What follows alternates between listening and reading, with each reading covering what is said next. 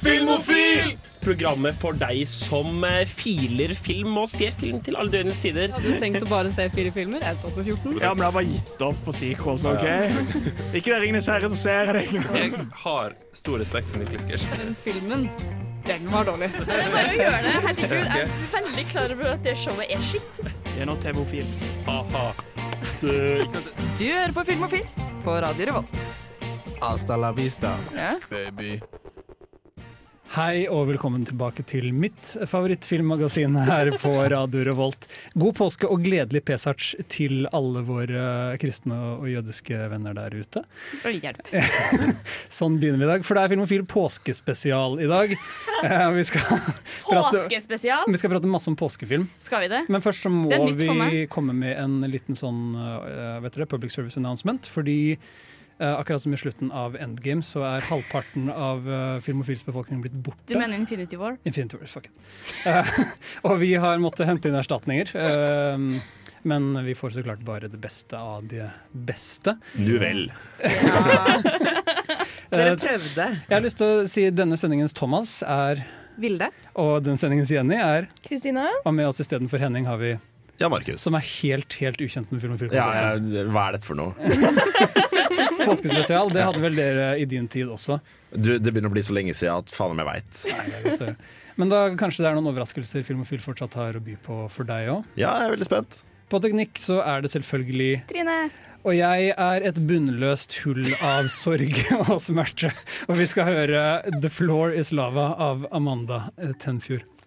Amanda Tenfjord er med en sang om at gulvet er lava. Og du hører på Filmofil, det eneste filmprogrammet på Radio Revolt. ja, det, Det, er, det beste filmprogrammet på Radio Revolt. På radioen generelt. Ingen det er faktisk eh, sant alt som blir sagt nå i studio. Eh, og til vår påskespesial så har vi med oss Trine, kledd i påskefarger. Uh, og, Ja, ja. ja. Så klart. Og du har sett en påskefilm. Nei. Nei, men du har sett en film siden sist. Det Jeg har sett. TV-serie siden sist. Det er liksom, som jeg sa sist gang, så holder jeg jo på å se gjennom Twin Peaks. Det, det, det blir bare rarere. For Sist gang så fikk jeg jo all informasjonen på en gang på sånn tre episoder. Denne gangen her så er det en sjel som er satt fast i en håndtak på en nattbordskuffe. Nå spoiler du litt Twin Peaks. Har alle her sett Twin Peaks? Nei. Altså, men ser du, har du, du har sett Twin Peaks før, ikke Nei. sant? Så Jeg har det prøvd så mange ganger før, og jeg har endelig fått det til nå. Yeah. Okay, fordi jeg føler Det er som å se Twin Peaks for første gang. Det er litt som å liksom være voksen og se barnefilmer. Det liksom bare Men ja. Twin Peaks er det mest mainstreame som David Lynch har laga. Det, I alle fall Ja, første det? sesong. Det er jævla såpeopera blanda med litt annet. Jo, men det er noe av det gir jo ikke der. mening. Yeah. Ja, for jeg, jeg synes Twin Peaks er helt greit. Jeg synes det starter veldig kult. Eh, men det som jeg synes er seriens svakeste punkt, er nettopp det du nevnte, Trine. Det såpeoperaelementene. Nei, det er det som er bra! Nei, nei, altså det, er, det er skikkelig sånn derre 80-talls, tidlig 90, sånn kliss-synt. Og det er sånn Å, vi må rømme sammen. Altså, det, er, det er ikke derfor du ser på Twin Peaks. Du vil ikke se på for liksom sånn dårlig eh, romantisk eh, drama. Du vil jo ha liksom et detektivdrama og de overnaturlige elementene inni der et sted. Altså Hvis du ikke liker de såpeoperaelementene, så er det på en måte din sak, men det er ganske tydelig, tydelig for meg, i hvert fall. Særlig, de har jo denne A Letter to Love som går i bakgrunnen gjennom uh, store deler av serien, som måtte parodierer det som skjer på showet, som en enda mer sånn såpeoperaversjon. ikke sant? Med dobbelt, med, altså, det er på en måte såpeopera parallell verden Twin Peaks. Og det er jo til dels en parodi på litt de sope, det såpeoperaformatet som veldig i stor grad regjerte TV-en når Twin Peaks kom ut. Uh, så hvis du klarer å ta såpeoperaelementene litt sånn halvironisk, så blir nok showet litt bedre. Uh, og det, det tror jeg også det er ment som. Samtidig så er det jo uh, Karakterene er jo helt fantastiske. Jeg har et svakt spot for Pete. um, uh, som er min uh, There was a fish in the percolator. Altså, utrolig god prestasjon av Jack Nanson, uh, en raring. Oh, ja, og så er jo kanskje litt sånn eh, Det vi glemmer, er at når Twin Peaks kom ut, som da var tidlig 90-tall eh, 90. ja, Eh, første sesongen kom 90, andre sesongen kom 91. ja, ja, så tidlig 90-tall, da, med Ja. andre ord. Uh, så var det Du fikk jo faktisk en skikkelig sånn kult gathering da også. Altså, det- du kunne kjøpe dagboka til Laura Palmer. Eh, du kunne liksom Altså, de laga en skikkelig stor greie av det. Men det var jo kjempepopulært. Ja, og jeg føler at, Men litt av den magien den forsvinner litt, føler jeg, når vi ser det i 2019. Og bare, ah, det her er weird shit, men OK. Ja, nei, men jeg, jeg skjønner det du sier, Jaran, liksom at det er en parodi på, en måte, på samtidens såpeoperaer. Men jeg skjønner ikke hvorfor inkludere det i en drama-spenningsserie. Det er sånn, La oss si at du har, eh, du har liksom Arrival, da, som er en sånn skikkelig god sci-fi-greie. Og så midt inni der så har de en 20 minutter parodi av Big Bang Theory. og en, ikke en spennende heller. De har bare, midt inni der så bare plutselig kommer det noen sånn random folk, og så bare parodierer de Big Bang Theory i 20 minutter, og så går de tilbake til Arrival etterpå. Jeg syns at Twin Peaks har en helt sånn egen altså, Drapet på Laura Palmer henter deg inn i Twin Peaks-universet. Og det at du får svaret på mysteriet, er jo ikke det, det de som skrev showet ville at skulle Nei, skje. du skal være der for karakterene. Mm. nyte karakterene. Og Twin Peaks har en litt sånn teksturen og filen, og når, når det skjer sånn her Å, Laura, vi må eh, Eller Donna, jeg elsker deg, så kommer Angelo Balamenti, musikken bare begynner å boom, Den der synth-poppen begynner bare å svulme, og Uh, det er på en måte det Twin Peaks er. Du, Twin Peaks ville ikke vært Twin Peaks uten det elementet. Uh, så sånn sett så liker jeg Liker jeg det elementet, faktisk. Men et veldig kjapt spørsmål da, for jeg har sett kanskje tre episoder eller noe sånt nå før jeg måtte gi opp fordi jeg orket ikke skuespillet. Jeg synes de er, det er jeg, Når dere sier såpedrama, jeg skjønner det så jævlig godt, for det er akkurat det det er. Det er sånne overdramatiske sånn memes som du ser, sånn Cries in Spanish. Det er det Yeah. nivået der. Telenovela. Telenovela. Og det er da jeg lurer på, er det, er det meningen? Ja. Jeg tror rett og slett Ja. det får bli siste ord før vi hører uh, Moddi med krigsspill, men uh, det er meningen. OK, bra. Og det er noe av skjermen, spør du meg. da. God uh, hjemmegrodd norsk musikk der med Moddi fra Moddi. et eller annet sted i Norge. Ja. Moddi fra Moddi. Moddi fra Moddi, ja. Han er vel fra Nordlandet, er han ikke det? Et eller annet sted derfra. Jeg eh, sted. liker det du gjør, Moddi. Fortsett. Vi prater fortsatt om filmer vi har sett siden eh, forrige sending. Og det begynner å bli en stund siden du var uh, på filmfilsending, så du har ganske mange filmer å ta, du Jan Markus. Ja, jeg har ganske mange filmer, men liksom i uh, påskens uh, aktuelle tematikk så har jeg nettopp sett litt av den nye sesongen av Luther. Og det er påskekrim. Krim er det i hvert fall. Krim er det i hvert fall. Kanskje ikke så veldig påskekrim. Det er ikke så veldig mye sånn snødekte fjell og skiturer og sånn. Men uh, det er etter fjerde sesong, som jeg tror var tre episoder, som var helt unødvendige. Det var, i, det var en skikkelig dårlig sesong. Likte du ikke fjerde sesong av Luther? Nei, uh, overhodet ikke. Jeg angret på at jeg så den. Jeg skulle ønske Oi jeg hadde slutta. Fjerde uh, sesong, bare for, for Jeg er også Luther, og jeg er litt sånn Shit, det kom meg for øre for to dager siden at det kanskje var en ny Luther-sesong ute. Ja. Det er der hvor Alice Morgan er død. Uh, Ja. Og han får en beskjed for, fra henne fra graven. Nei, nei det, er, eh, det er fjerde, tror jeg. Uansett, eh, poenget er at hele fjerde sesongen synes jeg ikke var noe særlig bra. Så jeg var litt sånn eh, Hans, som også var med i Filmofil før, som spurte skal jeg sette på sesong fem av Luther. Jeg tror det var sesong fem. Den nyeste, i hvert fall. Jeg sa nei, vet du hva, det er, la det dø. Men men jeg ble positivt overrasket. Eh, sesong fem er tilbake, og det er, det er god Luther. Det er verdt å se. Eh, og de som ikke har hørt om Luther før, er, det er en BBC krimserie med Idris Elba uh, som seg selv, holdt jeg på å si. Det var vel der han ble kjent. Ja, uh, virkelig slo gjennom, var det ikke det? ja det og det The Wire. Wire. Ja, så klart. Um, men eh, der Var han ikke også med i The Office? Idris Elba. Ja, men han ble ikke kjent, men det er riktig. Han hadde en supporting bit i The Office. eh, Sånn vil- sesong, sesong fire eller noe? Fem? Jeg vil si at han ble kjent i The Office. Vil du si det? Jeg vil si det. Men hva skjer i sesong fem av Luther, Jan Markus? Eh, Jeg skal ikke spoile så veldig mye, men uh, poeng, Lu masse. Luther som helhet er uh, Jeg sammenlignet det tidligere litt med sånn Monster of the Week. Det er på en måte sånn uh, Over en sesong så har du kanskje to-tre forskjellige seriemordere, og det er borti natta urealistisk. På en måte sånn Det er jo ikke hvor mange knivdrap hører du om liksom folk som går rundt liksom klovnemaske og har sånn syke planer for å ta livet av barnehager og sånn? Det, det skjer jo ikke så veldig ofte. Tja, jeg bor på Buran, så Ja, jeg skulle si, Har du aldri lest Jo Nesbø før? Liksom? Det Ja. er jo standard eh, påske-Jo Nesbø-krim. Ja, det er jo det er litt sånn. Uh, men det er, det er verdt å se. Det er på en måte litt eventyrlig. Litt sånn nesten Sherlock-stemning over det. Bare tatt og gjort det mer gritty. Uh, og det er tilbake igjen. Luther er jo en veldig mørk karakter, men det er kult å se Eirus Ebba returnere til han. Altså til skikkelsen, på en måte, er det ikke det? Mm. Ja. Er det så- rasistisk? Vi må ha en sånn Vi må ha en jingle for, for Er det rasistisk? Ja, jeg synes det er sånn. Jeg mener at han, han går til et veldig dystert sted i psyken til karakteren. Ja, Eh, for så så skam, skam deg, Vilde. Ja. Det er mye død og mye gore og mye sånn eksistensiell krise og Vi har desperasjon. En av de skumleste seriemorderne jeg har sett på TV. Det er han som sniker seg inn og legger seg under sengene til folk. Oh, eh. I en veldig veldig tidlig episode av det showet. eh, som fortsatt sitter i hodet mitt som sånn Det var en skikkelig ekkel episode. Mm. Jeg tror det er sesong én, for der hadde de sånn ny morder hver episode. basically Åh, det, ta, Vær redd for det som er under senga di til et nytt nivå. Å gud, Det er faktisk et monster under senga. Men en ting jeg vil si om eh, Luther, er jeg eh, kontroversielt nok er ikke veldig glad i krim. Uh, det vil ikke si at jeg ikke liker krim. Eller vet du hva, jeg liker ikke krim. Du hater krim.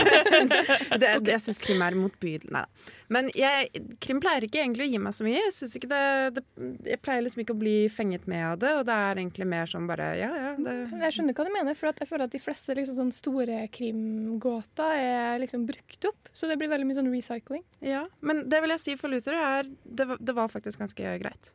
Altså Mm. Jeg tror vi bare gir deg siste ordet der. For når noen som ikke liker krim, uh, anbefaler Luther, da er det bare å se Luther. Jeg kommer i hvert fall til å sjekke ut femte sesongen, jeg også, så det er godt å høre at noen har testa vannet før meg. Uh, vi kan høre Vampire Weekend med This Is The Life før vi fortsetter, fordi jeg trenger en pause. This is the life, mener Vampire Weekend. Det er jeg ikke helt enig. i. Vi har fortsatt påskespesial her, på, her i Filmofil på Radio Revolt. Og Du du, hører på. Så jeg må bare si, Du har sagt veldig mye rart så langt i sendingen, men det der er kanskje det rareste. Takk. Du har ikke hørt de forrige sendingene, du, Vilde. Du, Jeg har- det her er normalt Jeg, jeg, jeg prøver en greie med overganger. Um, Du gjør en dårlig jobb. Oi! oi. hva, jeg, nå Som programleder så henter jeg det bare inn igjen, og så sier jeg til lytteren, som er den eneste personen som bryr seg om hva jeg har å si eh, For vi prater fortsatt om hva vi har sett siden sist. Og Kristina, hva har du sett siden sist gang du var her i Filmofil? Jeg har en liten erkjennelse å komme med. Um, jeg har blitt veldig lat når det gjelder filmer. Eh, jeg, elsker, altså, jeg elsker jo film. Altså, jeg kan se to-tre filmer om dagen. Eh, og så når jeg mener med lat med film, så betyr det ikke nødvendigvis at jeg ikke ser film. Det er bare at jeg har begynt å se sånn Hallmark romantic eh, comedies. Lifetime-drama og sånn? Eh, oh yeah, baby. ja, vel. Netflix Originals. Oh yes. Og altså, det er kanskje det dårligste du får på Netflix, men jeg klarer ikke å slutte. Altså, jeg har blitt avhengig. Jeg, altså, ja. jeg, jeg, så jeg, har, jeg har sett tre stykker bare de to siste dagene. Jeg klarer ikke å slutte. Et spørsmål da, Har du sett Sierra Burgess Is a Loser? Jeg så, jeg så den på releasedaten. Jeg hadde sånn countdown på telefonen min til at den skulle komme ut. Ja, Så du har sett den, da? Yes. Ja. Det er noe fint å erkjenne problemet ditt, da, Kristina.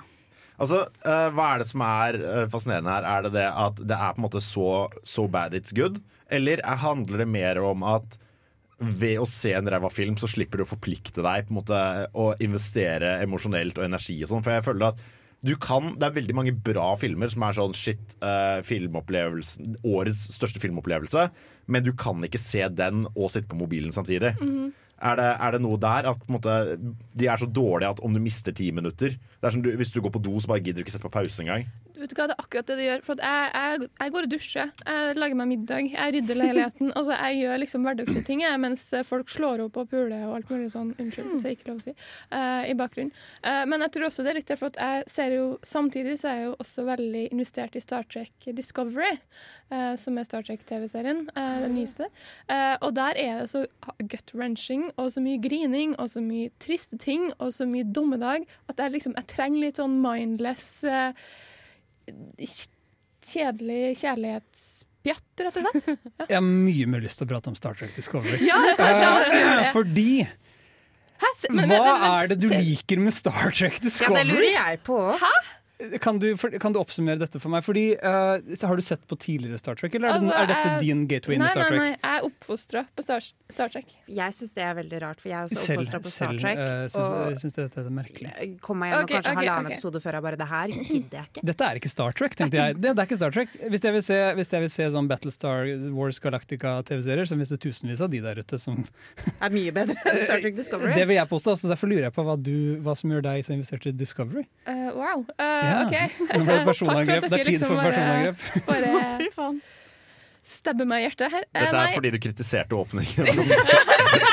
Ja. Nei, altså, jeg vet ikke. Um, det er kanskje mer for at uh, jeg liker jo også eh, reboot-filmene. uh, til en viss grad. Liker du den Eh, biten når Spock slår en fyr i ansiktet på et romskip som Knuser gjennom en by, og bygninger som nei, raser sammen? Nei. bare Dette er Star Trek. Som sagt, nei, det, altså, det, det var den biten jeg ikke likte. Men jeg vet ikke, jeg liker liksom den feelingen. Jeg liker at de på en måte på til dels da, i Discovery har klart å fange den, der essensen. Altså, jeg vet på at ingen av dere har sett sesong to. Nei, jeg er Fordi- fire episoder ut sesong ja. én, så ble jeg altså litt sånn Dette er ikke Star Trek. sesong én er jeg enig i. Den var litt sånn eh, Hva er det her? Men altså, jeg har grått sikkert fem ganger uh, hver episode basically i sesong to. Fordi der jeg føler at de hadde en sånn greie i sesong én hvor de OK, uh, hva gjør vi her? Det er new track. Mens i uh, sesong to så har de virkelig klart å fange den essensen av hva track er. da Den her der er liksom Mannskapet er skikkelig tight, og du, bare, du har blitt skikkelig glad i karakterene. Men jeg føler hvis du må en hel sesong ut i det for å så oppleve det, sett på litt eh, TOS. Ja, eller, altså, gå og besøk Kirk og Spock og bli med dem på eventyr i stedet. For Eller. TNG for den saks skyld. Men Ja, altså- der også er tilfellet der hvor du uh, Du skal gjerne én sesong inn. Uh, TOS er jo relativt kort sesongmessig, men det er veldig mange episoder. Men du skal en del episoder inn før du begynner å få den derre Hei hå, nå er det eventyrfølelsen. Uh, jeg syns starten av TNG er litt svak, det skal jeg helt ærlig innrømme, men jeg liker det jo. Jeg er enig. ja. Eh, Så det er litt derfor Altså, jeg har jo ville snakke om Discovery i en evighet, Fordi jeg føler det er ingen som ser på det. Uh, Det er det, en grunn til det. det, jo, men det, det er meg og internett, da. Uh, Så hvis at dere ikke har sett sesong to, anbefaler jeg det, også, Fordi For nå er Spock tilbake, er han ikke det? Ja, og så Kirk Jesus! eh, og Pike. Jeg orker ikke det, kjenner jeg. Jo, men altså, det er magisk. Altså, sier jeg det. Jeg sier det som Star Wars og gammel Star Trek-fan også. Jeg tror du skal få litt pusterom, for nå har vi virkelig gjenga oss opp her, Kristine. Så vi kan heller høre uh, Evigheten med Ikke alene, og så kan vi prate mer om Discovery uh, og kjefte på deg, rett og slett. Uh, nå i en liten, vi tar en liten pause. Ikke gå noe sted, for vi kommer tilbake hvert øyeblikk. Ikke stikk, please! Hei, mitt navn er Atle Antonsen. Du lytter til Filmofil på radio Revolt, og det gjør du helt til programmet er ferdig. Jeg var litt redd for at du skulle gå, jeg, kjære lytter, mens vi tok en liten promopause, men det gjorde du ikke, og du er her fortsatt, og det er jeg så glad for. Vi prater om filmer vi har sett eh, her mens vi feirer uh, skjærtorsdag, som det er i dag. Gledelig skjærtorsdag, alle sammen. Gledelig skjærtorsdag, Vilde. Hva har du sett i det siste? Eh, jeg har vært og sett The Favourite på kino. Hvis dere har sett den. På kino? Oscar-nominerte The Favourite. Ja, Går den fortsatt på kino? Stone. Nei, det er en stund siden. Men jeg har jo det privilegiet at jeg aldri har vært med på Filmofil før. Så jeg har Yeah. tenkt at jeg kan velge hva enn jeg har sett ever. Hva er The favorite? The Favourite er en uh, Drittfilm. Det kan man også si. Vilde, jeg tror Eh, Vilde si hva filmen handler om først. Okay, okay, okay. si, uh, The Favourite handler om uh, dronningen i England uh, og hennes eh, favoritter. Eh, så hun har eh, basically en Ja, hva skal man si? En nestleder. Er, er det, er det protesjeene hennes? Ja, på en måte, men det er også mye politikk inn i bildet. Så hun har en, eh, en dame som eh, er hennes bestevenn, og også hennes, eh, spoiler alert, elsker. Ja, Det- fordi jeg akkurat Ja. tenkte å foreslå det. For det er Jeg tror det ble kåra til den gøyeste ikke-gaye filmen i 2019. Eh, og så kommer da Emma Stone. Var det, som- var det en Oscar-kategori? Ja, det uoffisielt. Det burde sånn- være det. Usagt homofili? Typ litt sånn High School Musical 2, eller er det Nei, nei, de, de puler. Ja, OK. Det burde også kanskje nevnes at det ikke er dron den nåværende dronning av England. For det er dronning Anne som var sånn på 17, sent 1700-tall. Ja. Stemmer ikke det? Jo. Ja. Eh, for det som er veldig interessant, er, er at eh, eh, disse to har det jo da veldig fint, og så kommer det en ny person inn som spilles av Emma Stone, som jeg vil påstå gjør en ganske bra britisk aksent. Ja, Ja, det er. Imponerende. Imponerende bra eh, britisk aksent. Så kommer inn, og så begynner hun liksom å smyge seg mellom disse to. Og det er et periodedrama som ikke er et periodedrama. De. På et tidspunkt så danser de breakdancing og direkte moderne dans, og det hele føles veldig absurd. Og en av de tingene jeg likte veldig godt med den filmen, var Altså, historien i seg selv er grei nok, men det måten den er filma på, er veldig interessant. Fordi denne Ja. følelsen med De bruker fisheye lenses, og du får den følelsen av at liksom disse karakterene går gjennom dette store, tomme slottet, og hele rommet føles så gigantisk. Og du kan liksom føle på hvor ensomme de egentlig er. Ja. Mens hele dette politiske dramaet spiller ut. Og dronninga er jo gæren.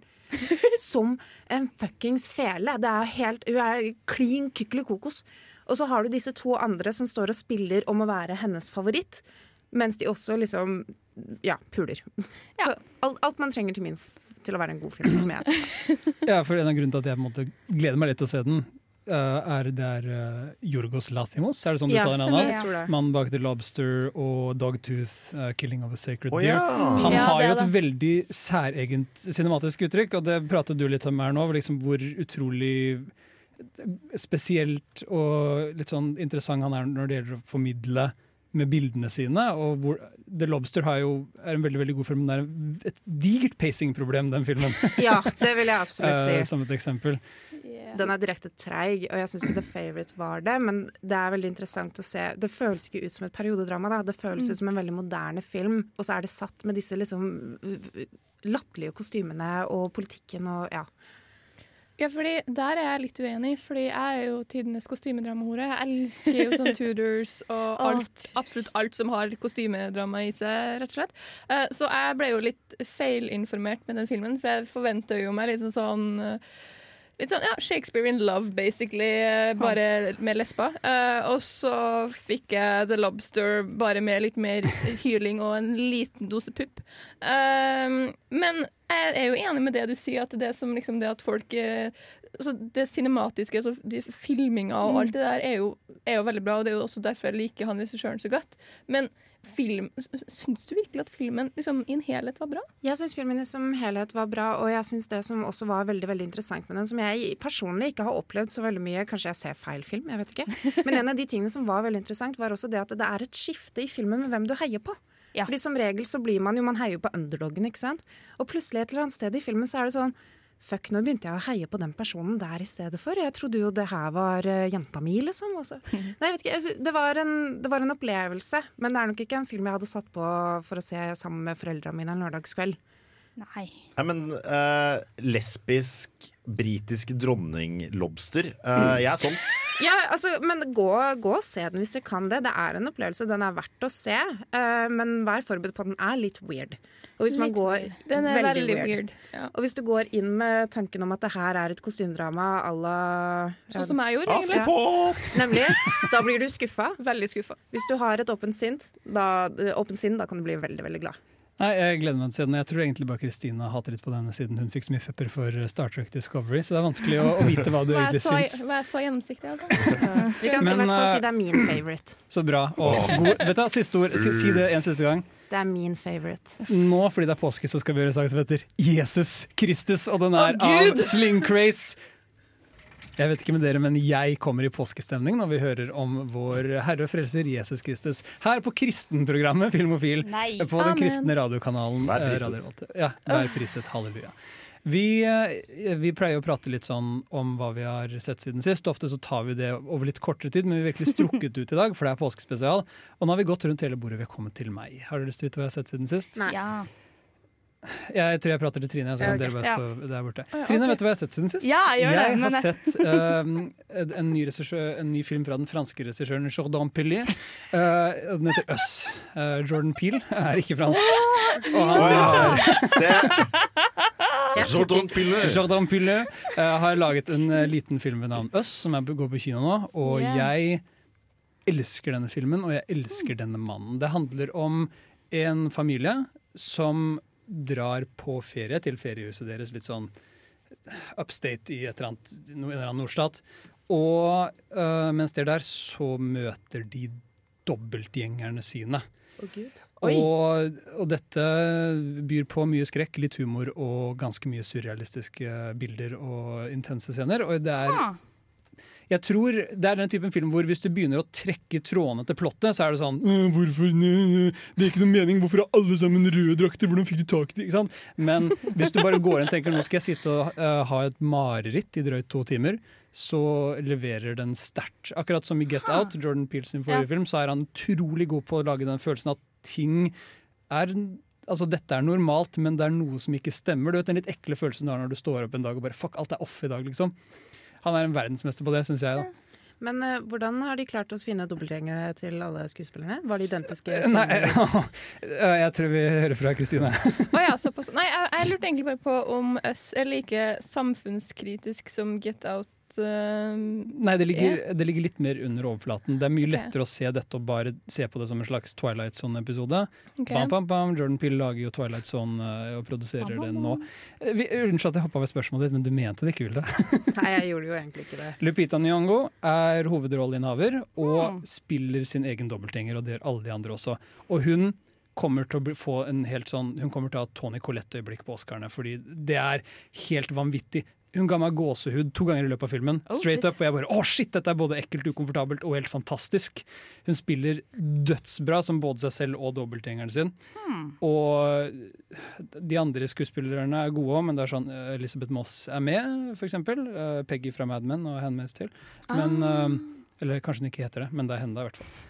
Og de spiller bra, det òg, men hun er bare holy shit. Kan, hun kan bære en film i to timer. Så- Tenk at hun er en CGI-rotte i Star Wars, liksom. Det er helt. Hun kommer sikkert tilbake. men, men vil hun da altså hvis vi skal liksom, Det er jo litt tidlig å spå Oscar predictions for neste år, eh, men vil du si at eh, Lupita Nyong'o da kan ta sin andre Oscar eh, med Nei, fordi Oscarene hater skrekk. Ja, den kommer straight up. Og den kom veldig veldig tidlig nå i år. Så Jo, det er ikke men, uh... Tony Collette var beste kvinnelige skuespiller i fjor, liksom. Hun Jo, jo, fikk ikke noe men, oppmerksomhet. men altså, eh, Get Out fikk jo, eh, fikk jo ganske mye rave. Og Ja, men den mye fikk liksom skrive skrive tekniske priser. Det, Mhm. det er sikkert det Øss kommer til å ende opp med, men den kommer ikke til å få noe skuespillerkred. Øss var jo også et øyeblikk for uh, raserepresentasjon for et akademi som er anklaget for å være hashtag so white. Så det jeg skal ikke, altså Get Out fortjente skrytet, men jeg tror Oscaren gjorde det litt for sånn Hei, se på oss, vi fant en bra film laget av ja, Litt Ja, rasepolitisk. Jo, men samtidig så føler jeg at um, Jordan Peele har fått ganske mye skryt både for Get Out og Mm. nå også Us. Så kan, kan man liksom si at vi er på vei i en sånn filmrevolusjon med tanke på Oscar? Fordi han har jo fått, altså Get Out fikk jo ikke bare masse Oscar, altså han fikk jo nominasjoner, Mm. men han gjorde jo rent bord på de fleste andre liksom store awardshows. da. Eh, Kan Us gjøre det samme, tror du?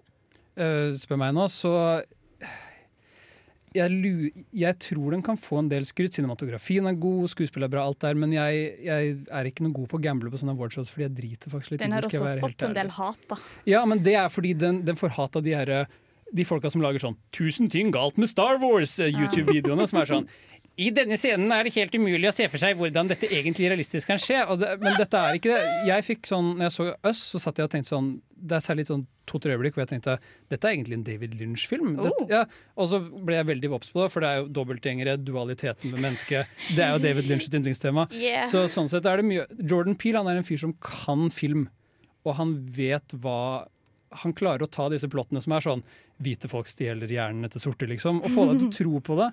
Og få deg til å, å bare akseptere at dette som er helt latterlig, det kan jeg godt være med på de neste to timene. Og jeg kan faktisk bare ja, suge meg i det.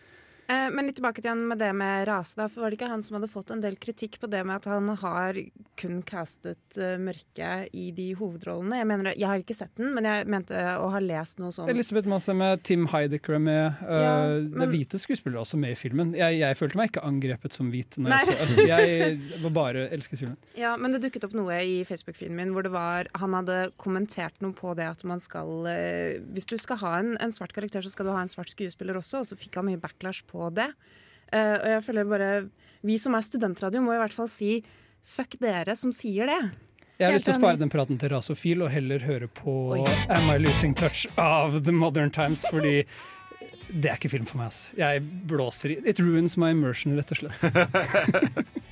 Da er vi tilbake med Filmofil sin Pesach spesial. Her, eh, Vi er jo den jødiske studentradioen i eh, Trondheim. Gledelig passover til alle mine brødre og søstre der ute. Fordi det er påske, så har jeg lyst til å gjøre en liten ting. Jeg har lyst til å leke en påskelek med dere.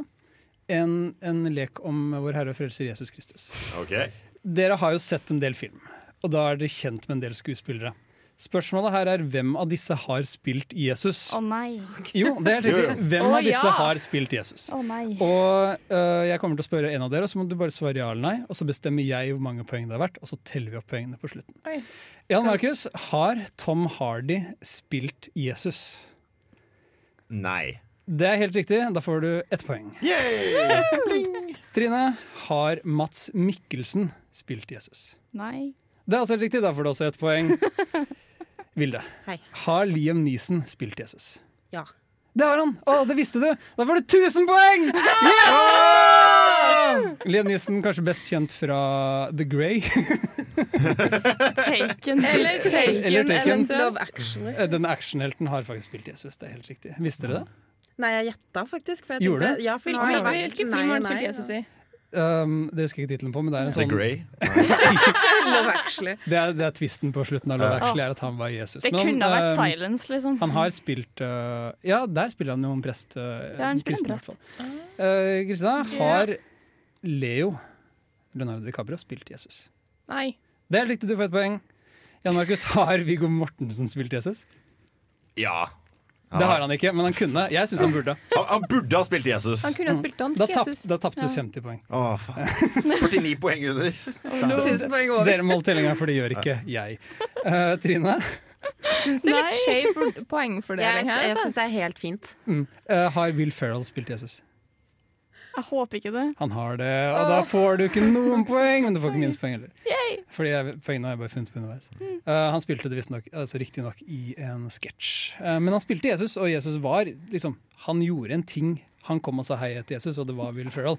Uh, så han spilte Jesus. Hva mer Wow. trenger man egentlig? Men, men teller vi med sketsjer nå? Nei, det er en film, altså, men det er en komedie. Å ja, okay. Uh, og den er laget av Saturday Night Live-castet, så det er basically en 90 minutter ja, okay, ok, sketsj. Okay. Skal dog sies altså, Jeg ville betalt gode penger for å se en 90 minutters lang film med Will Ferrell som spiller uh, Jesus. Jeg ville hatt penger for å slippe.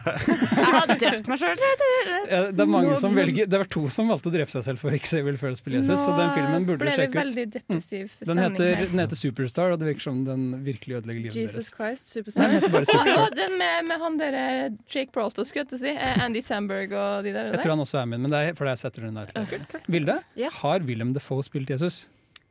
Mm, nei. Du taper en milliardpoeng for ja, du fordi vet det. du hva, Ja. det visste til og med jeg. Mm, men det er derfor jeg spurte Vilde, ikke deg, Jan Markus. Ja. uh, så da tapte du en Men jeg leda jo så mye. Ja, men og nå sånn, sånn, er, så altså, sånn er leken. Eh, Kristina, har Hugh Jackman spilt Jesus? Nei. Han har ikke spilt Jesus. Oh, han kunne spilt Jesus, hvorfor ikke? Fordi uh, noen av de andre er, er litt overraskende. For eksempel, visste du at Tilda Swinton har spilt Jesus, igjen, Markus? Men hvem er Ja, hun Tilda har spilt Jesus. Hun har ikke spilt Jesus, jeg lurte deg! Men du kan, du, det var Men hva er det Tilda Swinton ikke har spilt, da? Jesus. Altså, ja, ja, men Nå ødela du vitsen min, for Tilda Swinton spiller jo alt. Hun spiller jo en 80 år gammel tysk mann også. Mm -hmm. Uh, Tilda Swinton er en 80 år gammel tysk mann som spiller Tilda Swinton. Oi, ja. Eh, men uh, Trina, har Ewan McGregor spilt Jesus? Nei. Han har spilt Star Wars Jesus. Ja. ja, men han har faktisk også spilt Jesus. Oi. Han har det. Når? Eh, sikkert en eller annen TV-film, men eh, jeg har bare gått inn på IMDb og sjekket alle sånne religiøse filmer. Og så har jeg bare sett Jeg er sikker på at han ikke bare spiller en person Nei, som jeg- jeg heter har Jesus. Jo, ka- Jesus. altså, Jesus. Jesus. men det er en sånn film som heter sånn Jesus av Nasaret eller Maria Magdalena av Nasaret eller sånt, og så er han kasta som Jesus. Jun, du skuffer meg. Åh, Et spørsmål. Hvor mange filmer om Jesus finnes det? nok. Altså, For mange. Nok til at jeg har satt sammen denne lista, og vi er, vi er langt fra ferdig. Og, så jeg tror vi bare må avslutte konkurransen snart. Men jeg tenkte å spørre dere om Johnny Depp. Og nå kan førstemann til å rope ut Har Johnny Depp spilt Jesus? Nei. ja. Jan Markus taper, og dere vinner. Um, Kan jeg få tilbake de milliardene jeg mista? nei, eh, den eneste som har positiv poengsum akkurat nå, er meg. Unnskyld meg, jeg, svarte riktig på alt. Ok, men Da skal du få et siste spørsmål hvis du taper nå. Hvis du svarer feil nå, okay. så taper du. Hvis du svarer riktig nå, så vinner du, Kristina. Okay, okay. Da vinner du årets påske-Jesuslek. The pressure. Har Christian Bale spilt Jesus? Ja. Ja! Du vant! Hva vant hun? Uh, hun vinner Christian evig frelse i himmelen, og hun får lov til å høre på Hollywood med sangen 'Ricky's Got A Secret'. Da er det fortsatt Filmofil, og det er fortsatt uh, vår påskespesial. Vi har liksom Det har vært litt løst, uh, litt løs, litt løst og fast, rett og slett. i Ja, det er litt filmer chill. Ja, er, Det det, er det. det er det vi kaller det. Vet Ja. folk hva Film og chill er? Ja, vi har jo hatt film og chill i alle fall tre år. Mm, våre fire faste lyttere vet hva Film og chill er. Er vi? det er det samme som Netflix og chill? Um, Da vil jeg ikke være med. hvis vi har hatt det på løfta, så blir jeg litt nervøs. Skal vi, vi alle som kler seg kler av seg klærne? Tre, to, én. Jan Markus, nei! Dette, ja, Heldigvis er radio et lyttemedie og ikke et uh, visuelt medium. Det kommer på nå- Instagram. Se hva Jan Markus gjorde i studio på Instagram. Er det en teaser? Følg oss på sosiale medier for å se de sjokkerende bildene fra Hele filmen. Radio Revolt blir tatt ned pga. nudity. Shit, så mye likes du kommer til å få. Du kommer til å få mye likes, men lite respekt. Vi trenger ikke respekt når vi har likes. Åh, det, det minner meg om en film jeg har sett, for vi er jo et filmprogram. Og vi, vi prater jo mest om film, ikke så mye om, eh, om, om sosiale medier. Uh, så siden det er litt sånn løst og fast, så tenkte jeg hva har liksom skjedd i det siste rundt omkring av film, TV-serier, populærkultur som dere har bitt dere merke i? Jeg har sett uh, The Expanse. Har det? Ja, uh, The Expanse er en Det starta Altså, det har vært en lang, turbulent vei. The Expanse starta som en serie av uh, YouTube, nei, ikke YouTube-kanalen, men den faktiske TV-kanalen Sci-Fi, SYFY. Uh, som er kanskje mest kjent for å lage dritt. Det er litt på samme måte som at History Channel nå bare har liksom Ice Road Truckers og Aliens. Så har Sci-Fi gått over til å basically lage bare sånn spin-offs av Shar eh, Sharknado. Yeah, Men de har gått tilbake til røttene og lagde for noen år tilbake uh, The Expanse, som er basert på en bokserie. Eh, og er den første på en måte ordentlig store eh, sci-fi-serien ute i rommet. Sånn ikke Star Trek Space Opera, men sånn vi, har, vi prøver å følge litt fysikk, og litt sånn folk er vektløse og uh... Men det er en, det er en, en altså, Det er ikke en dokumentarserie. Nei. Det er basically Interstellar, bare mm, litt mer Ja. allmennlig. Altså, de, det, er, det er tre samfunn. Det er uh, jorda, Mars og asteroidebeltene. Mm. Belters. og i den rekkefølgen liksom ligger de i hierarkiet. Du har det store jorda, og så har du mer militante uh, Mars. Og så har du liksom asteroidebelt, som er basically sånn, eh, solsystemets slum.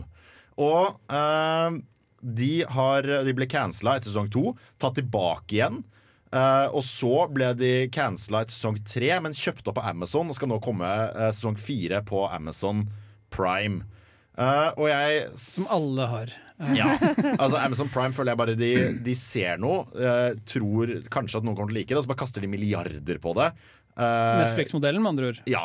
eh, med liksom Ringenes herre og alt mulig rart de skal gjøre nå. Men i hvert fall, jeg har sett The Expanse sesong tre, og jeg føler Jeg leste noen som har skrevet om det forleden, og jeg var veldig enig i at det er et bedre univers enn det er plott. Det er en ekstremt kul setting. Eh, det er sånn Det kunne vært en jævlig fet antologiserie. Hvor du plutselig bare fulgte én episode var bare en eller annen fyr som drev og gravde liksom, is i en asteroide for å få tak i vann til liksom, familien sin. Eh, det hadde nesten vært et bedre format for Expanse enn den derre lange overarching greiene de har nå, med liksom, eh, sånn protomolekyler og det ene og det andre. Uh, fordi jeg merker at jeg elsker på en måte serien The Expanse, men jeg liker ikke Jeg gidder ikke se på det uten å surfe på mobilen samtidig. For jeg har det litt det samme, for jeg så nettopp Peter Jackson sin Mortal Engines. Uh, og det er jo også basert på en bokserie. Uh, og der så jeg liksom, etter jeg var ferdig med filmen, så var jeg å, jeg fikk sykt, syk lyst til å lese bøkene. Jeg ble sykt interessert i universet. Brydde meg ikke det så mye om filmen eller plottet i helhetlig. Men jeg ble veldig nysgjerrig på universet, og sånn føler jeg også litt det med The Expanse. da. Uh, kanskje det den nye trenden som skjer i filmverdenen akkurat nå. Men nå lurer jeg veldig på, hva er plottet? Plottet er basically Det er sånn år 2180 eller noe sånt nå. Litt langt fram i tiden. Og folk har funnet opp en rakettmotor som basically ikke trenger drivstoff, så de kan liksom suse rundt i planeten. Men de bruker fortsatt ganske mange dager på å liksom suse fram og så bremse opp for å komme, ikke smelle inn i liksom planetsida. Så det er basically en ganske realistisk forankra romsivilisasjon. Det er ikke noe sånn overlyshastighet. Sånn. Det, på en måte, den ene greia de har, er at eh, de trenger ikke ta med seg så veldig mye drivstoff, så derfor kan romskipene være mye mer fancy. Og det er hele plottet. Nei, det er jo ikke plottet, men det er det du trenger å vite. Det kommer anbefalt fra dere to, i hvert fall, Kristina og Jan Markus. En sci-fi-serie for folk som er litt lei av romaction og kanskje mer interessert i uh, utforskning. Star Trek. vi prater ikke mer om det. Vi hører heller på Aurora og hennes låt The Seed. Nå tenker jeg de fleste har fordøyd påskelammet, eller hva enn det er man spiser på skjær torsdag. Den helligste av alle påskedagene. Jeg vet ikke hva jeg prater om, men du hører på, men du hører på Filmofil sin påskespesial, og vi prater litt om ting uh, vi ser på i påsken. Og jeg vet om en ting de fleste antagelig har sett på i påsken, og det er den aller første episoden av, uh, Den aller siste sesongen av Game of Thrones. Ja. Det, det har jeg hørt om. Det, men du har jo sett det. Jeg har sett det også. Ja, for jeg, jeg, jeg spør som om jeg ikke vet det, men vi så det jo faktisk sammen. Så Ja. du har jo Ja, sett det. godt med litt sånn samhold og Sånn venner og sånn. Mm. Ja, noen har det jo. For jeg, jeg er tilhører den gruppen som på en måte uh, Hva skal vi si festser Game of Thrones. Litt sånn Nei, jeg røyker ikke, jeg bare røyker på fest. Uh, så er det sånn, jeg, jeg har aldri sett en episode med Game of Thrones alene. Så det er, eh, det er veldig sånn at noen setter det på i stua. Og sånn, Å jøss, er det nye Game of Thrones? Ja, men da slår jeg meg ned her. Uh, men uh, hvis uh, Også typ sånn sesong én til tre tror jeg bare skippa. Jeg tror kanskje jeg har sett sånn fire episoder av det. Um, men jeg ser på Game of Thrones mer som en sånn sosial greie, og har på en måte blitt fortalt hele plottet. Så jeg på en måte skjønner hva som skjer, da, i hvert fall. Og det er gøy. Fordi jeg, Vi prata om det litt i stad. Jeg har heller ikke sett så veldig mye Game of Thrones. Jeg har sett første sesong. Sånn, ja. Og så har jeg også, jeg bodde, hadde en romkamerat en stund som bare religiøst så Game of Thrones over over over igjen. Så sånn sett har jeg også liksom fått det med meg litt der. Men når jeg setter meg ned på sofaen ved siden av noen som ser på Game of Thrones sesong fire, eller noe, så blir jeg moren min. Hvem er han? Hva, hva, hva, hvem er de? Hva gjør de? Hvorfor er han Og så blir jeg bare sittende og være den slitsomme fyren som har alle disse spørsmålene. Nå hadde han en sånn drøm. Hva betyr det? Altså, nei, det vet vi ikke ennå. Ja, men hvorfor viser de den da? Jeg blir, jeg blir en forvirret gammel dame av å se Game of Thrones på den måten som du da åpenbart ser det. Eh, jeg er jo da av en hel annen variant igjen. Jeg har sett eh, alle sesongene. Jeg har sittet og kost meg med recaps på YouTube. Oh, og laget ja. sånn 20 minutters recaps av hver sesong. Sitter og ser fan theories og deep law. Sitter og leser på Game of Thrones Viken. Og sånn, Alt annet sånn, enn bøkene, med andre ord. Ja, alt annet enn bøkene, for det gidder jeg ikke. Men det å sitte sånn klokka tre på natta og lese om eh, hvem er John Snows ektefar, og hvilke legender i universet knytter det opp mot, nei, det, da koser jeg meg. Ja, fordi så har dere meg, da, som hater Game of Thrones. Og jeg sier det her eh, med kjærlighet. Fordi eh, jeg leste bøkene religiøst, og når eh, sesong én kom, så var jeg den lykkeligste fangirlen på hele verden. Eh, men jeg er ikke glad i serien, eller hva den har blitt, rett og slett. Så hvis du går inn på radio.volt uh, radio, radiorevolt.no slash filmofil, så kan du ta testen. Hvilken eh, Game of Thrones-seer er du? er du Kristina, eller er du en uh, likegyldig Jaran? Hvor scorer du mellom eh. Kristina og Vilde? Ja. Ja. Uff, Jeg må si at jeg var opp klokka fire på natta og så, så Game of Thrones på Age of Nor- Nordic. Jeg kan ikke prate lenger. HBO, som dette Ja, er. før det, før det klikka helt. Og satt og hylgrein når John og Aria endelig møttes igjen. Åh, og bare spoilers eh, live på Radio. Herregud, det er episode én! Du visste at det kom. Altså, sånn, Så føler du og jeg er litt like på yeah. Ja, det og er sitt godt. på New Rockstars sin YouTube-kanal og se liksom deep dives inn i episoden og sånn. Men dere var ikke på, på kinovisning for det? Tror jeg. Var det Fikk det? ikke billetter, for vi var i Bergen. Ja, det var i Ja. Bergen, ja, det var ikke her i Trondheim. Jo, det var i Trondheim, men vi var i Bergen når billettene ble lagt ut. Ah, Så vi fikk ikke campa utafor og få i tak i. Der var du også, Jaran. Så- vi, vi prater ikke om, om andre SM-ting. Vi var jo besøkte studentradioen i Bergen, og det de Ja, vi, vi gidder ikke å plugge studentradioen. Men altså, men, men altså for å tilbake til Game of Thrones, sa ja, ok, jeg hater kanskje TV-serien, men jeg var jo Vilde en gang i tida også, før DND, D&D, som uh, vi fan, eh, fan, fansene kaller regissørene av Game of Thrones-serien, bare totalt ødela. Det var litt som å se Uh, menn prate om eh, fødsel som at uh, yndlingsbarnet din brenner. Det her var litt det samme med meg med Game of Thrones, altså, fordi de bare de tok karakterer som jeg da har trykka til mitt eh, bryst i, siden jeg var ti år, eh, og bare Nei, vet du hva? Vi driter i characterizations, vi driter i plott og liksom uh, character arc stories, og så bare lager vi vår egen vri. Men jeg syns på en måte ikke det gjør noe, fordi det har blitt sin egen greie. Og også med tanke på at de siste bøkene har jo ikke kommet ut engang. Og de blir annerledes. Og de blir annerledes Siden. fordi folk i serien som egentlig skulle dødd, er jo fremdeles levende, og vice versa. Det er litt sånn, du, du klarer faktisk ikke også å holde den samme historien. Så det blir litt sånn alternative universe. Og det er jo den evige diskusjonen kommer de siste bøkene noen gang til å komme ut, eller dauer den? Han. Ja. Så kjør på med serie. Ja, nei, for uh, det er på en måte det at de har gått en annen vei. Jeg har, jeg har eh, Selv om jeg ikke har sett mye Game of Thrones, så har jeg fått med alt som har skjedd. Så har jeg også sett sånn fanteorier og sånne ting. Og det er veldig gøy, for jeg så en fanteorivideo som kom ut før ikke sesongen som kommer nå, men sesongen før der igjen. Uh, og der uh, var det sånn Ja, dette tror vi skjer, dette tror vi skjer. Ellers kan det hende at alle bare gjør sånn og sånn og sånn, for det hadde vært kjempegøy. Og så er det akkurat det som skjedde. Så det er veldig gøy at uh, det finnes mange fans som deg, da, Kristina. Ja, det er fordi også, Nei, jeg, vet du hva? jeg tror vi må bare sette et lite punkt til deg. Kristina. Faktisk, fordi endeløs spekulasjon er noe av det YouTube kan best. Jeg har lyst til å gi en av deres siste ord og si hva, liksom, Har dere håpet for siste sesongen? Nei.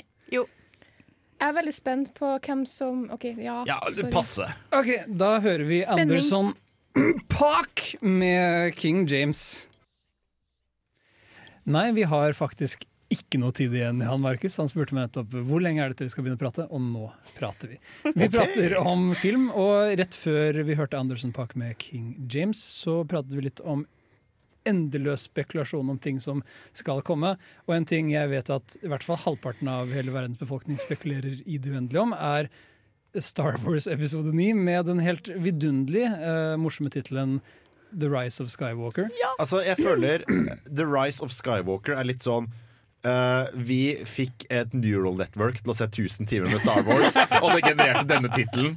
Uh, det er sånn The Rise of Skywalker. Og sånn, ja, ok, fett, Det er noe Det er liksom Rise og Skywalker, whatever. Ok, fett, Greit nok. Revenge of the Return of the Ja. whatever. Ja, Liksom. Return det er of the Dark Sit Skywalker Rise eh, Legend. Ja, fordi altså, herregud, hvor har du vært eh, de siste 50 årene, liksom? The Rise of Skywalker skjedde jo i liksom den originale trilogien. De Ja, for det var, det var tre sånne små filmer om en ung mann ved navn Skywalker Ja! som liksom ble Han lærte noe sånn Men- øh, trolldom og Det- beseiret en ung keiser eller noe. Det var ikke det? det Ja, ja. filmserie? Men den her skal liksom avslutte Skywalker-sagaen, da. Så det, det, det for det of er Skywalker. Man, ja, det skulle heller vært det. Men det er jo ikke akkurat så veldig mange Skywalkere igjen, da. For Nei. å spekulere i det uendelige. Øh, um, Adam Driver er ben. jo Skywalker-blod. Ja, ja, han er den ja. Uh, Men en ting som jeg har lyst til å ta opp, som uh, kanskje gjorde meg mest hype over he alt sammen, var den latteren som vi hørte i Nei, jeg vil ikke ha Sidious tilbake! Jeg vil jeg, Var det Emperor Palpatine? Ja, eller det var jo det. Emperor Palpatine, Unlimited power! på, på Celebration, det var jo visst på Celebration i Chicago i helga, og da kom si jo hva Celebration er. tror jeg. eh, Star Wars Celebration. Den bare Du- du mener- stor konvensjon. ja, Ja. for Star Wars-fans. Når en haug med voksne menn får glowsticks og samles i en sal for å se trailere. Ja, men Kledd etter. Etter traileren var ferdig, så kom jo skuespilleren som spiller Palpatine ut og bare sier 'roll it again'. Oh my fucking god! Oh, yeah. Han kom liksom ut på scenen, så jeg tror han kommer tilbake. Men det irriterer meg også litt granskauen at han kommer tilbake. Ja, fordi altså Døde ikke han for sånn seks filmer siden? Yeah.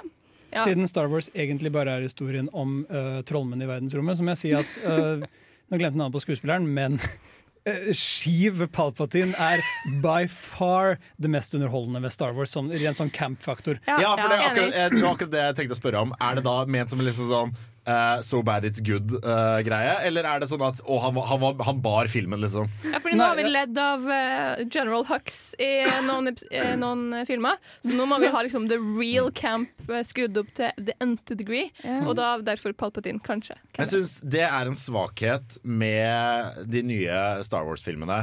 Og det er at enten så gjør de det akkurat samme som har vært gjort før. Typ, eh, hva het den? eh, Force Force Awakens. Force Awakens. Som er, det er jo basically A New Hope 2. Oh, yeah. Um, og folk var sånn Ja, fett nok, men det var jævla likt New Hope 2. Da, så prøver de å gjøre noe nytt, og folk er sånn Det nye funker ikke. Så, abort, da, abort, så da tar de tilbake JG Abrams, og så kjører de dette neural networket, som har lært alt mulig som har skjedd Star Wars, og bare rehasher dette på en ny måte. Husker dere når, når Leia skulle være den eneste av de gamle karakterene som skulle overleve hele filmserien? Nei, nei, Og så drepte, nei, de, og så drepte de Han Solo og Luke på skjermen. Og så døde Carrie. Fisher. Nei, nei, nei. nei. Jeg, holdt jeg begynte å grine når hun dukka opp i traileren. Jeg, bare, nei. Gråt hun når hun fløy gjennom verdensrommet i The Last Jedi? jeg gråt hver gang vi var på skjermen. Så det... Oi, wow. Ja, men jeg er veldig glad i Carrie. Fisher. Okay. Men det er faktisk, altså, no joke, man kan kødde veldig mye med Star Wars. Man kan si det er campy, det er space opera-y, men det shotet av altså det, Eller det, er liksom det framen da, av Carrie Fisher som flyr gjennom verdensrommet i The Last Jedi, Oh, det er kanskje det fineste jeg har sett på film Det veldig på veldig lenge. Også den derre Det impactet når de sprenger det skipet, oh, og, det, er er en- og, det, og det er helt stille. Magisk. Det er helt forferdelig at du får siste ordet der, men det får du, for nå skal vi høre et meme. Hva skjer med høre- det flaminga her, Jaran? Vi skal høre Lill Nas X med Old Town Road, og dette er Feet, min helt Billy Ray Cyrus. Yeehaw! Altså, memes fins på ekte, og det er eh, det denne låta er blitt, rett og slett. Nesten over natta. En liten sensasjon. Ikke så god musikk, spør du meg. Akkurat som Eh, deg, Jaran. Oi! Wow. Jeg syns du er bra musikk. Ja, jeg, jeg føler liksom at jeg er som en litt sånn, litt sånn røff punk-ballade. Der er jeg uenig. Eh, mm. Ja, enig. jeg, det er det, i hvert fall det image jeg går for med min eh, ja, Jeg skal ikke prate altfor mye om meg. Jeg har egentlig litt lyst til å prate om filmmerket, for vi er jo filmprogrammet Filmofil.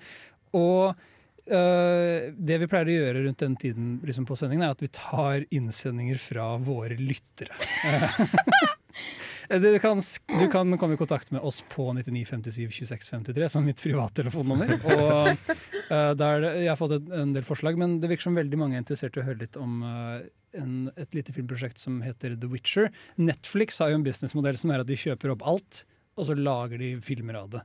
Ja, eh, nå er jo ikke det her en film, det blir en TV-serie eh, med Henry Cavill, eh, kjent fra Superman og The Tudors.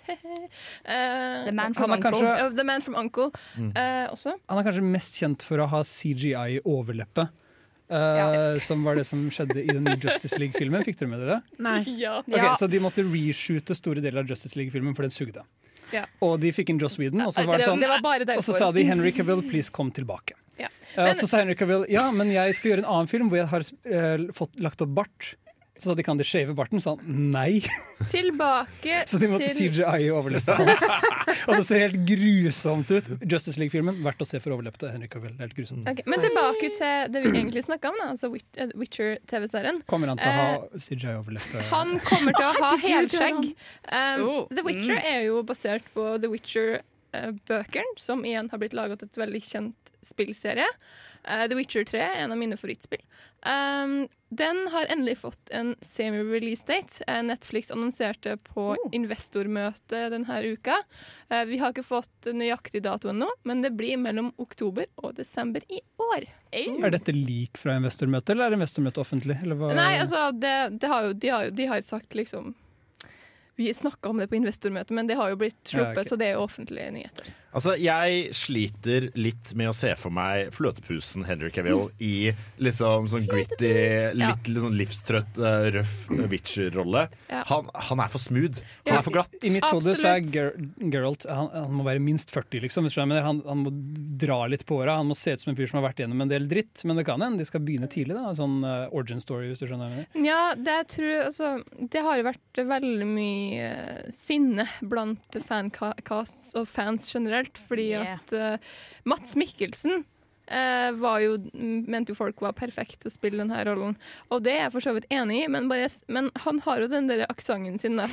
Eh, og det ødelegger liksom litt det der fløtepusinntrykket som Fordi Geralt er jo en player og en liten fløtepus. Så hvis at vi kunne ha fått uh, fjeset Det kommer an på hvordan du spiller han. Ok, eh, Da vet dere hvordan jeg spiller han. Eh, Men hvis vi kunne fått CGI av fjeset til Mats Mikkelsen på Henrik Havill, med Henrik Havill sin, eh, sin stemme Fordi vi har jo allerede CGI av overleppa til Henry Cavill. Er ansiktet til Mats Mikkelsen så Å, du veldig klarte mye å mer bringe jobb? tilbake overleppa til Henry Cavill. Overleppa til Mats Mikkelsen på Henry Cavill. Oscar er, overalt. Jeg vet det er en serie, men fortsatt Oscar. han har helskjegg, bortsett fra på leppa. Ja. Der er det CGI-a inn uh, Mats Mikkelsen. Så- Gerald er et neckbeard. Oh. Gerald med neckbeard. Se for Nice. Um, Jeg vet ikke om jeg vil. Nei. Men eh, dette er mitt store spørsmål, fordi dette kommer sikkert til å bli en episk Netflix-produksjon à la Marco Polo. Husker dere Marco Polo? Oh og, oh, og de andre store episke Netflix-produksjonene, sånn som uh, ja, Vi nevner The i fleng. Last Kingdom, kanskje? Jeg, jeg føler det er mer The Last Kingdom enn Marco Polo. Jeg har ikke Marco sett Polo. disse Netflix-adaptasjonene, fordi de, Netflix bare kaster de på meg, så blir jeg desensitert, og så orker jeg ikke. Har The Last Kingdom kommet ut? Ja. Jeg har ikke hørt en dritt om det. Oh, ja, okay. Ja, det har, jeg tror det er sånn sesong tre nå, men uh, kult. Ja, nettopp. Bra- Jeg er enig med følger Veldig enig med Harald. Mens, eh, mens vi blir litt uh, Før vi blir for slitne av Netflix-adaptasjoner, så tror jeg heller vi kan høre Tigerbukten med Under press. For et program i burra med både klasse og stil. Du hører på Filmofil.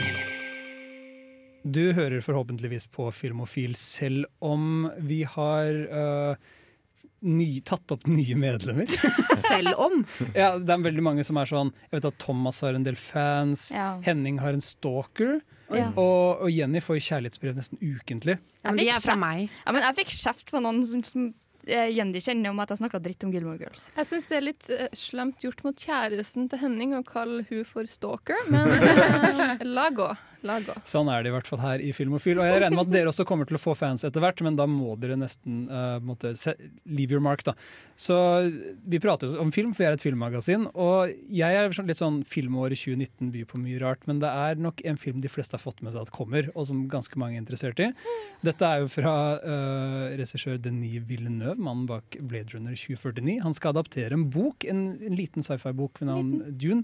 Og jeg- Arrival? Bi- Nei, han skal ikke adaptere Arrival. Nei, nei, men han har laga Arrival. han har laget Arrival. Viktig å nevne det i sci-fi-sammenheng. Men uh, han har liksom begynt å, å gjøre et inntrykk. Folk virkelig, gleder seg virkelig til denne filmen, men de har ikke sett et eneste bilde. Har ikke hørt noe annet enn castinga, egentlig. Nei, men det er akkurat det at uh, Som det kanskje kommer til uttrykk her i denne sendingen, så er jeg jævla fan av sci-fi. Uh, og det er faktisk ingen sci-fi-regissører som er aktive per dags dato som jeg har større tillit til enn Denis Villeneuve. Fordi han uh, lager jævlig bra sci-fi, type Blade Runner, type Arrival. Eh, han har ikke laget så han, utrolig mange filmer enda, men det han har laget hittil, har jeg syntes uh, har vært veldig, veldig bra. Og eh, han har en cast som bare ikke ligner noen ting. Det er sånn Å, skal vi se. Hvilken, uh, hvilken Hvis vi skal lage musikk, hva er den, hva er den beste uh, filmkomponisten? Vi tar Hans Zimmer. Hans Zimmer inn. Og vi må finne opp et språk. Ja, vi tar han der fyren som lagde språket til Game of Thrones. Sleng han med. Og bare jævlig mye kjente skuespillere. Det eneste Det eneste som mangler, er Roger Deakins Ja, si i eh, cinematografi. Men på en måte Jeg prøver å jobbe med meg selv for å ikke bli for hypa. Uh, fordi jeg uh, er Jeg bare tror og håper den filmen her kommer til å bli så bra. Det kommer til å være min film. Er det 20, 2020 den kommer ut? Jeg tror egentlig den kommer ut neste år. Ja. Ja. Så når vi sier filmåret 2019, så Ja. liten asterix på bakken. Er Pluss én. 2019 pluss én. Jeg er så fuckings hype. Nå må du ta en dype pust, Jan Markus. Jeg føler at uh, Denny Villanue Jeg, jeg ødela sikkert navnet hennes, men jeg Mm. føler at han, liksom, han har bare troppa opp på filmstudioet sitt og bare slengt ei liste. Jeg skal ha den personen, den personen, den personen. Den Yeah. Fordi, som Jan Markus sier, det er så mye bra folk. Og jeg tenker, men samtidig, jeg kan jo være the voice of reason her, da.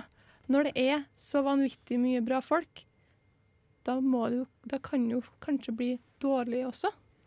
Det du risikerer med mye talent, er at hvis du ikke er en god regissør, så tar talentet litt sånn Plutselig blir det veldig mange innspill og input, og mange gode skuespillere er kjent for å være litt sånn uh, selvsentrerte. Ja, fordi det det nemlig. og hvis du har dyktige komponister, og alt mulig du risikerer veldig mye ego involvert. Men han har framstått som en god fyr som klarer å jobbe med både altså han, Vi hadde en nylig regissørsending, og jeg har bare fine ting å si om Denis Villeneuve. Han virker som en fyr som klarer å nå alle aspektene ved en film, og virkelig håndtere dette på en god måte. Både skuespill og design. Og det virker som han virkelig forstår Han kan litt av alt, rett og slett. Ja, og han øh, Han, i motsetning til David Lynch, som lagde en adopsjon av denne her, eh, Dune, på var det 80-tallet, Ja. eh, så er eh, Denis Villeneuve råfan av kildematerialet. Han elsker bokserien. Han har sagt at liksom, jeg har fuckings drømt om å lage en Dune-film så lenge. Og nå, nå er det, dette er hans magnum opus. Jeg gleder meg. Jeg tror egentlig det virker som alle gleder seg, spesielt Vilde. Ja, jeg hadde masse å si. Jeg, tror, uh, jeg også bare tenker Timothy Chalmey. Han er jo Oh. the spitting image av Ja! Paul Atridis. Altså, Han passer perfekt! Det er, det. Det, er ikke, det er ingen tvil. Akkurat som eh, mitt uh, Denne låten sier veldig mye om meg, da. Og det er 'Paint My Nails' av Melis. 'Paint My Nails', det uh, heter denne låta Melis. Og nå begynner jeg å komme ned fra en eller annen sånn uh, Jeg vil sikkert blir anklaget for å uh, være på en eller annen høy i Er løpet av dagen. Er det blodsukkeret ditt som begynner å gå ned? Trenger du litt er mer melis? Mm, litt mer Melis. Å nei, nei, jeg går. Jeg vil ikke være her lenger. Rett Takk til før, eh, rett før vi hørte denne låta, så pratet vi om en liten film med navn Dune, som snart skal komme ut. Dette er jo en remake av David Lynch-filmen. Uh, Nei, det er ikke en remake. Og- Reboot av Dune. Expanded Universe. en soft reboot, er, er det soft reboot-territoriet. Dette blir på en måte en Force Awakens for Dune-universet. Eller en Star Trek Discovery for eh, Star Trek. Ja, i hvert fall. Det har vært en sci-fi-tung sending i dag, men det jeg merker er at alle gleder seg så sykt til Dune og Filmofil. Vi har egentlig ikke dekket Dune noe særlig. Nei. Det var litt godt å få det ut. Men det er fordi at Jenny er nyhetsanker. Hun har vært nyhetsanker. Hun Ikke, bryr ikke, seg ikke beef med Jenny når hun ikke er her. Det er feigt, altså. Men uh, vi bryr oss litt om Dune, jeg lurer på om vi bare skal holde Dune-praten gående. Ok. Det, det føltes litt godt, liksom, for du nevnte castinglista, for eksempel, eh, Jan Markus. Ja. Og du sa egentlig ikke noe om hvem som var casta. Nei, uh, blant annet som eh, skal gjøre, fra, uh, gjøre liksom en ny rolle etter eh, Blade Runner, er jo han godeste wrestleren, Batista. Yeah. Så han, han spilte bra i, Altså Han er god i Guardians of Galaxy, Ja. men han hadde dybde i um, De gjorde en liten kortfilm som ble lagt ut på internett, som heter Nowhere to Run. Som handler om hans karakter. Den er fire okay. minutter lang, okay. som kom som promomateriale for Ja, for Blade Runner. han, han er jo ikke med i en stor del av filmen. Nei, men jeg husker han veldig godt fordi han har denne kortfilmen. Uh, som jeg anbefaler å sjekke ut. De gjorde tre eller fire Blade Runner-kortfilmer, gjort av forskjellige art directors. Det skal jeg sjekke ut. Eh, og den heter Nowhere to Run, og det handler om hvorfor han er der han er på starten av filmen. Da. Og Ah. Altså, Kortfilmer handler jo veldig mye om hvordan regissøren klarer å på en måte manipulere deg litt til å føle noe i løpet av veldig veldig kort tid. Men øh, som sagt, han viste utrolig bra dybde i den kortfilmen. Som jeg synes var overraskende, med tanke på at han er han morsomme fra Guardians of the Galaxy. på en måte. Ja, men det er altså, bare det at wrestlere har begynt å få liksom, store roller. Mm, à la Hulk Hogan. Jeg føler at øh, eh, han uh, Villeneuve eh, kjører en litt sånn, veldig sånn klassisk estetikk. At han bruker de samme skuespillerne uh, i flere filmer. Han har uh, gjort tre filmer med Jake Gyllenhaal. Ja, eh, og Patista var jo også med i 2049 og skal nå være med i Dune. Eh, Ja. hvilken, vi snakka jo litt om det her i pausen. Jan Markus, du var jo veldig gira på hovedrolleinnehaveren, Timothy Chalamet, og du sa noe om en polititegning. Kan ikke du Ja, nei, altså eh, Timothy altså, I likhet med Denis Villeneuve så har han et navn som er lett å få til førstenavnet. uh, og verre å få til enn Chang uh, Chalamet. Eh, og han er på en måte the spitting fucking image av den personen jeg hadde i hodet da jeg leste Dune. Hovedkarakteren er Ja. altså Paul Atreides. Han er en ung, han er arvingen til en trone, rett og slett. Ja. For å gjøre det litt enkelt. Uh, og hele dette foregår jo i sånn kinda eh, føydalistisk samfunn, hvor på en måte hvert planet er hertugdømme osv. Så, videre. Eh, så Men han som på en måte er en litt sånn tynn, men jævla utspekulert fyr.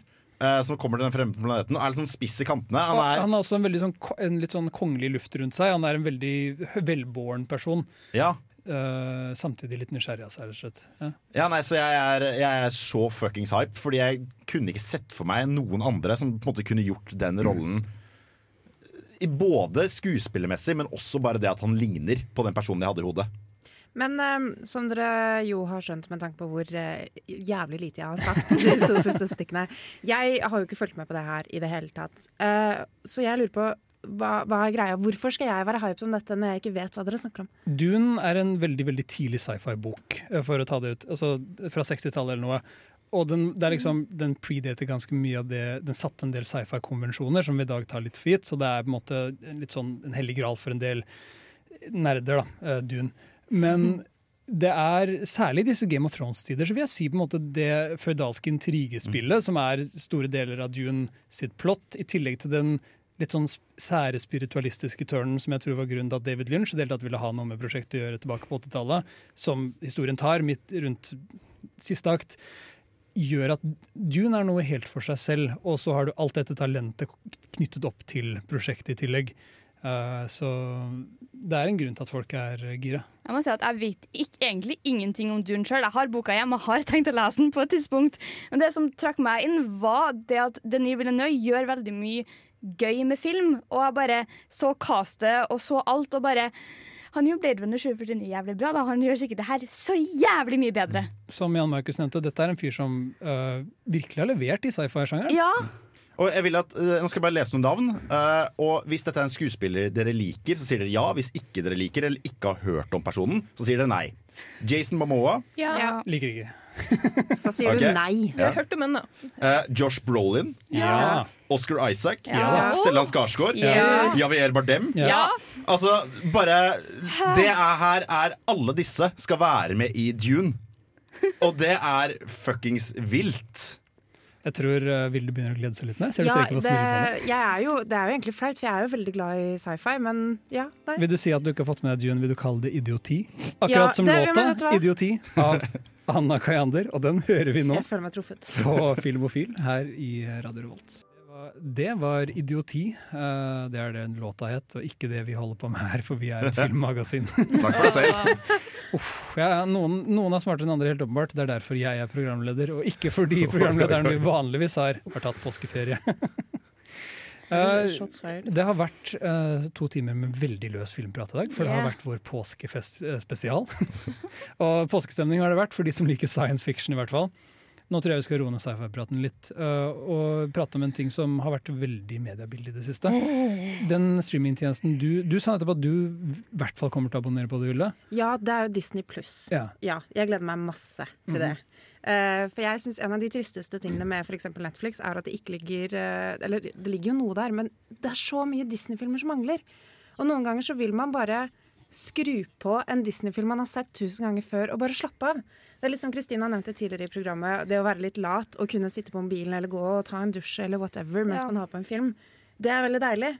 Og det er jo da i tillegg at det er en, en film som er bra, men du, du kjenner den. Det Så, så du gleder deg til å ha Disney-hvelvet altså, tilgjengelig Ja, for det er litt sånn nostalgi i det, ikke sant? Ja. En annen ting som jeg setter veldig stor pris med, på med Disney Pluss, er at eh, Tech.no hadde en artikkel for et par dager siden om at det vil bli billig. Eh, og da tenker jeg at for oss her som er studenter, og for sikkert flere som hører på, som også er studenter, så vil det jo her bli også billig å få litt ekstra nostalgi i hjernen. Ja, det er snakk om syv dollar i måneden. Ja, Mm. så- Dere tror ikke det er en det- promokampanje, da? At det kommer til å oppjusteres Nei, men det skal koste 70 dollar for året. Eller 69-99 dollar i året. For det. Så det er liksom Det er billig, og det er Ja. Disney. Men Disney kan ta oss og skjerpe seg! Oh, wow, nå, ble det, nå må du game Ja, deg men selv ned. men hvorfor kan de skjerpe seg? Fordi de kjøper alt, og så tar de, de Alt fra Disney og Fox kommer til å bli fjerna fra absolutt alle andre strømmetjenester. Ingenting kommer til å være tilgjengelig noe sted. Du er liksom nødt til å ha Disney Pluss, og alt kommer til å være der. Så Ja, fordi én ting trenger å betale for! det er jo på en måte Dit vi er på vei nå, er jo at alt som ikke er Disney, er indie. Eh, og Disney kommer til å bli en sånn dampveivalg som basically kan har så mye makt innenfor medieverdenen at de kan si Å ja, eh, forresten, kino, alle kinoer skal vise filmene våre. De må settes opp på disse tidene. Hvis ikke så får de ikke vise noen Disney-filmer. Snakker du med eh, Avengers-franchisen? Ja, ikke sant? Altså, basically eh, Disney har nå, er nå så enormt stort at de kan basically diktere hvordan hele filmindustrien fungerer. Og det er ikke nødvendigvis en god ting. Det er nødvendigvis ikke en god ting, men det som er en god ting, er at det kommer ut eh, i 12. november. Så det er I USA. i USA. Det, det Har dere ikke hørt om VPN? Så det er en veldig fin bursdagsgave til oss, da, Gøran.